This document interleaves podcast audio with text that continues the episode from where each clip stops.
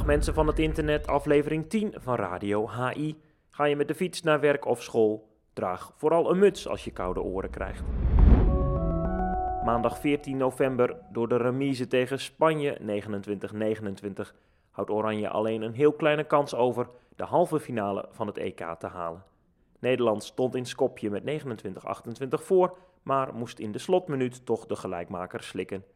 Estefana Polman scoorde nog de 30ste voor de Oranje Dames, maar werd terecht voor een aanvallende fout afgefloten. Op woensdag sluit de formatie van Per Johansson de hoofdfase van het Europese kampioenschap af tegen Montenegro. Na dinsdagavond weet Oranje of het nog iets heeft om voor te spelen. Duimen, rekenen en vooral winnen. Alsmeer, Hurriup en Bevo hebben in de laatste wedstrijd in de heenronde van de Benelux twee punten gescoord. De landskampioen kende geen moeite met Tagos. Hurriup was in eigen huis te sterk voor Atomix 40-30 tegen de hekkensluiter. En door Eupen te verslaan is Bevo een plaatsje geklommen op de ranglijst. In Panningen werd het na 17-14 bij rust 35-26 voor Bevo. Een spraakbericht van de uitblinker in de eerste seizoenshelft bij de geplaagde geelblauwen Kai Genen. Gisteren de derde wedstrijd van het seizoen gewonnen. Uh, het uh, liep in de eerste helft nog niet uh, heel goed. Ze bleven aardig goed bij. Op een gegeven moment zijn we van een 6-0 naar een 5-1 gegaan. En ja, dat liep eigenlijk heel goed. Ze creëerden nog maar weinig kansen door onze sterke dekking.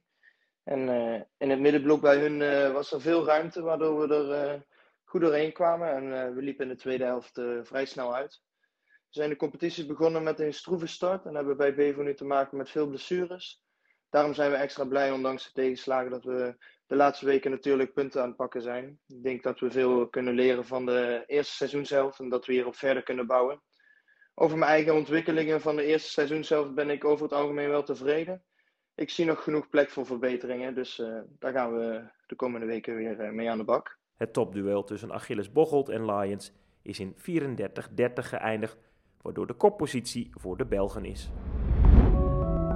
In de eredivisie is BFC in speelronde 9 de ongeslagen status kwijtgeraakt.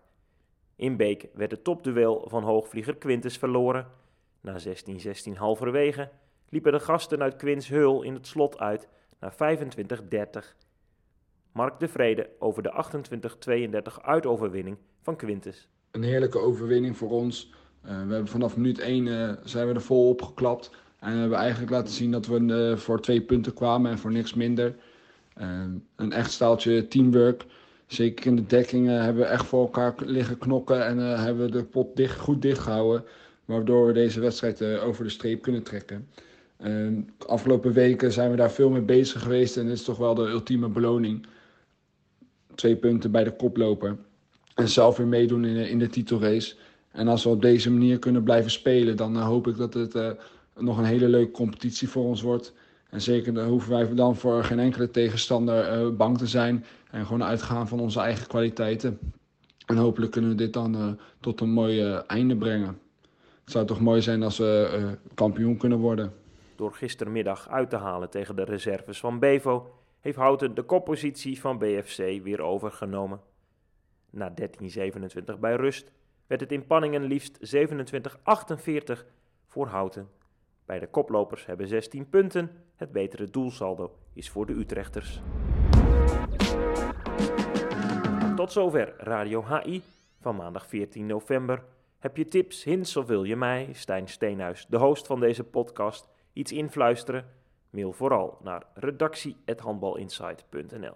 Schakel woensdagavond om 6 uur in op Ziggo Sport voor Nederland-Montenegro. Houd vooraf de website van Handbal Insight in de gaten om op de hoogte te blijven van de kansen van de EK-ploeg.